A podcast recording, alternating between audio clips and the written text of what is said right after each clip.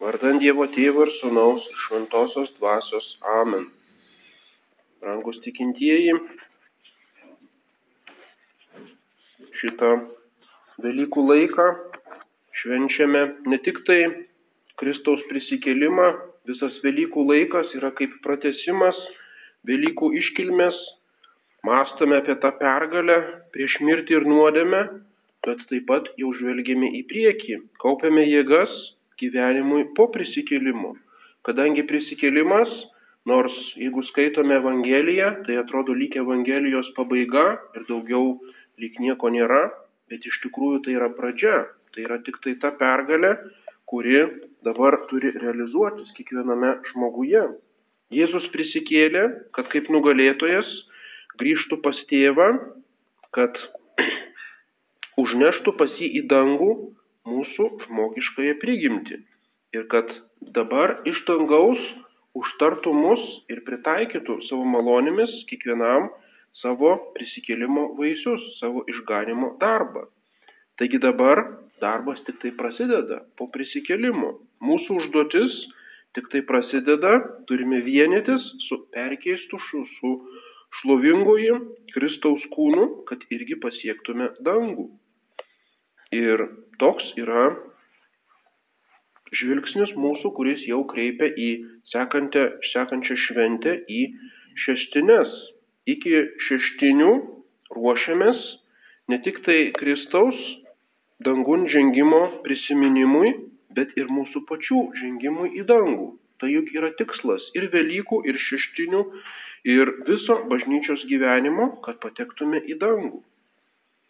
Konversacijo vestra sit inčelis, taip skaitome Evangelijoje. Jūsų gyvenimas, konversacijo, tai yra visi jūsų reikalai, visi jūsų rūpešiai, te būna danguje, ne žemėje, bet danguje. Jėzus Kristus galėjo Tuoj pat prisikėlęs grįžti pas tėvą, kurio jis ilgėjosi, bet jis dar 40 dienų liko su apaštalais, kad paskatintų ir išmokytų juos toliau eiti jo pėdomis. Ir tai yra krikščioniško gyvenimo esmė - Kristaus sėkimas. Kristaus sėkimas jo kančioje, jo pergalėje, žengime į dangų ir pašlovinime. Prabėgs valandėlė ir manęs neregėsite, ir dar valandėlė ir vėl mane pamatysite. Ir taip nuo šito sekmadienio, nuo tos Evangelijos jau pradedame ruoštis toms šeštinėms žengimo į dangų iškilmiai. Jėzus atlikė savo misiją žemėje, grįžta pas tėvą. Jo neregėsim, tačiau tai truks Dievo akimis tik tai valandėlę šitą valandėlę, kuri iš tiesų yra trumpas laikas, mums dėja labai prailgsta.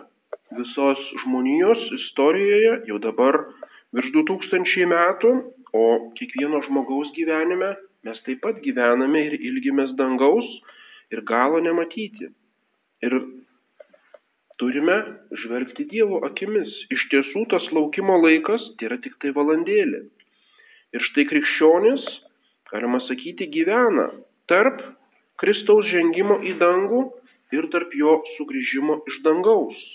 Ta visa bažnyčios istorija yra tik tai valandėlė. Prabėgs valandėlė, manęs neregėsite, įžengsiu į dangų ir vėl prabėgs valandėlė ir vėl mane pamatysite, grįšiu iš dangaus. Ir štai krikščionys gyvena pakeltų žvilgsnių, stovėdami, žvelgdami į dangų ir laukdami to antrojo ateimo. Jūs verksite ir vaizdosite, o pasaulis džiūgaus. Kad pakeltume šitą laukimo laiką, Kristus paliko mums daugybę pagalbos priemonių. Jis davė šventąją dvasę apaštalams ir vėliau bažnyčiai. Jis davė paštalų Jonui ir per jį visai bažnyčiai savo motiną, švenčiausią mergelę Mariją. Jis davė bažnyčią su jos vadovais, su jos mokymu, su sakramentais. Taigi turime viską, ko mums reikia, kad ištvertume. Esame gerai paruošti tam laukimo laikui, tam tai valandėliai. Ir turime išlaikyti tą laukimo vilties laikyseną, kad nenusiviltume, kad nenukreiptume savo žvilgsnio nuo dangaus, kad neįsikurtume patogiai šitoje žemėje, kad neįleistume šaknų į žemišką gyvenimą. Maldauju jūs kaip ateivius ir svečius susilaikyti nuo kūno geidulių, kurie kovoja prieš sielą, sako šventasis Petras. Ateiviai ir svečiai, mes esame peregrinį. Senovės Romoje peregrinus tai buvo tas, kuris yra svetim šalis, kuris nepriklauso tai miesto bendruomeniai, kuris negali priimti jokių sprendimų, kuris e, negali įsikurti tame mieste, jis yra tik tai ateivis ir svetim šalis.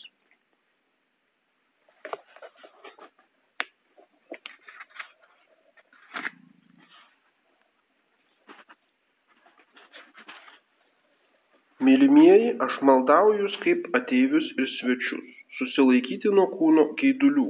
Jūsų elgesys tarp pagonių te būna pavyzdingas, kad nors dabar šmeižė jūs kaip piktadarius, pažinė jūsų gerus darbus, imtų šlovinti Dievą aplankimo dieną.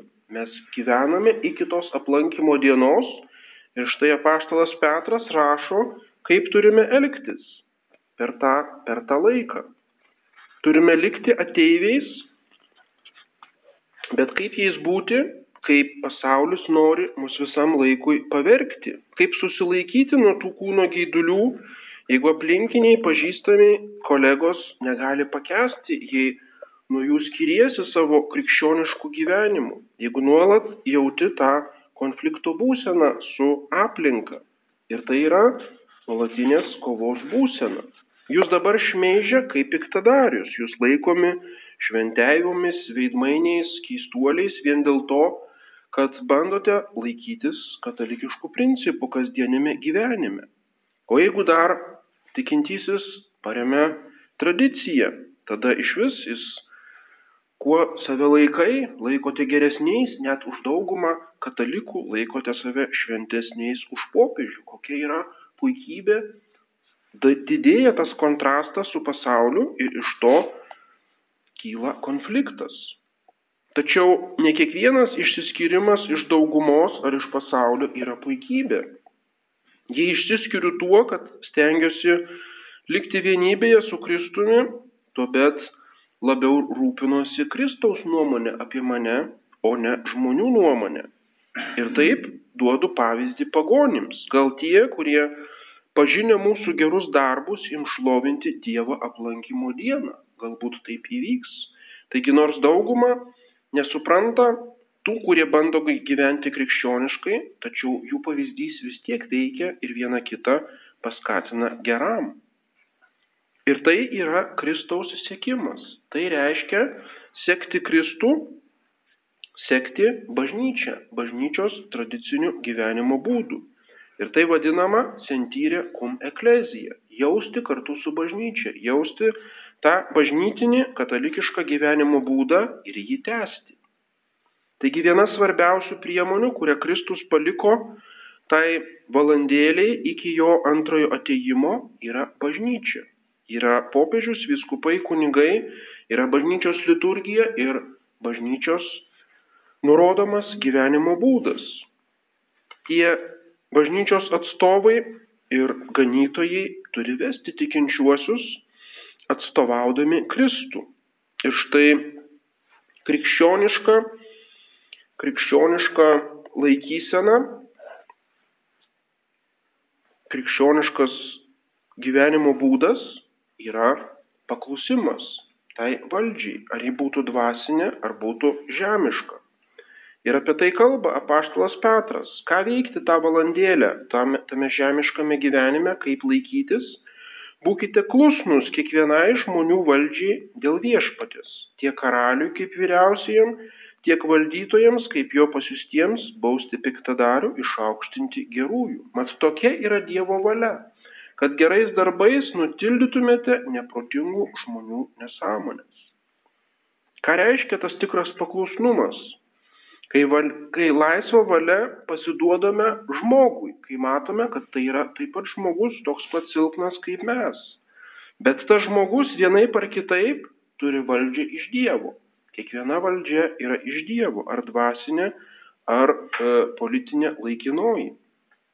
Paklusnumas nepririša mus prie žmonių kaip vergus, tai būtų pririšimas prie žemės, kuris atitraukia nuo dievų. Ir toks grinai žemiškas paklusnumas iš grinos baimės arba iš naudos arba iš prisitaikymo arba iš minios instinkto ar dėl patogumo būtų tik tai kliūtis keliui į Dievą.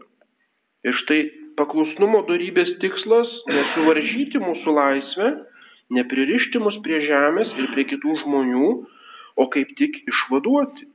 Elkitės kaip laisvi. Pakluskite, prašo Petras, bet elkitės kaip laisvi. Ne kaip tie, kurie laisvę pridengia blogį, bet kaip Dievo tarnai. Tai yra tikra krikščioniška laisvė. Tarnauti Dievui ir jeigu šeimoje tėvas arba bažnyčioje vyskupas ar popiežius arba valstybėje valdžia ar viršininkas veda link bendrojo gėrio ir Dievo, pažaboja mūsų savivalę, įgėdžius, sujungia daugelio žmonių pastangas bendram labui, tuomet mes paklūstame. Ir tuo būdu išsilaisviname iš savo aistrų ir savo ribotumo, laisvai atiduodame savo laisvę Dievui, per paklusnumą tiem žmonėms mes iš tikrųjų dirbame savo išganimui.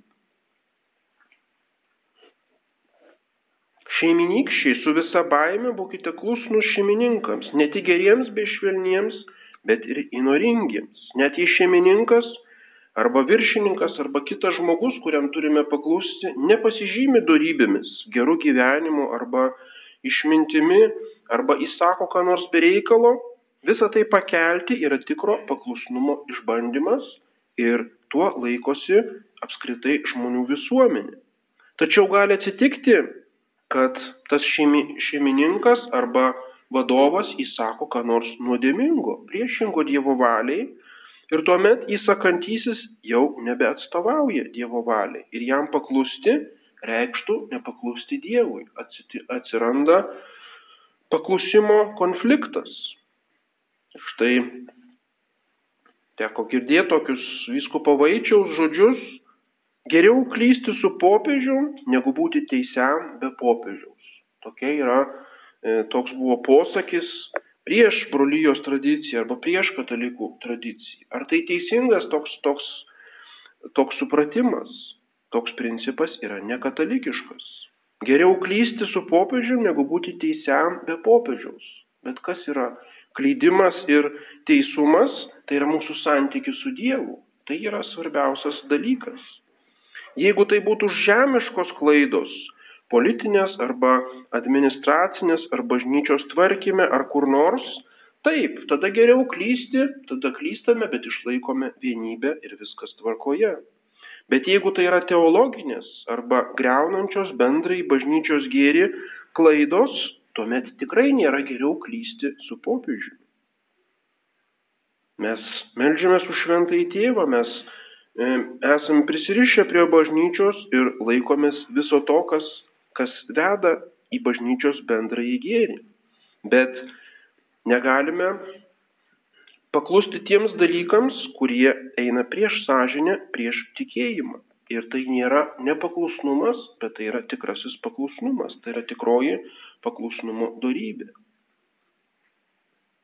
Tai malonė, jei kas pažindamas Dievą pakelia vargus, kuriuos nekaltai kenčia. Taip sako apaštalas Petras. Tas regimas nepaklusnumas, kuris iš tikrųjų yra paklusimas Dievui, jis sukelia konfliktą. Ir tai reikia pakelti, nukenčiant, nekal, nekaltai nukenčiant, reikia išlaikyti tą tikrojo paklusimo dvasę. Turime melstį gerų ganytojų bažnyčiai, kurie nepabėgtų pamatę vilką, bet vestų mus į tikrasias ganyklas, kuriuose rasime stiprinančio tikėjimo peno, kad nesibaimindami gintų mus nuo paklydimų, rūpintųsi atvesti į vieną avidę kitas, dar klaidžiančias avis, kad visi klausytų Kristaus balso ir būtų viena kaimenė ir vienas ganytojas. Amen. Vardant Dievo Tėvo ir Sūnaus ir Šventosios Dvasios. Amen.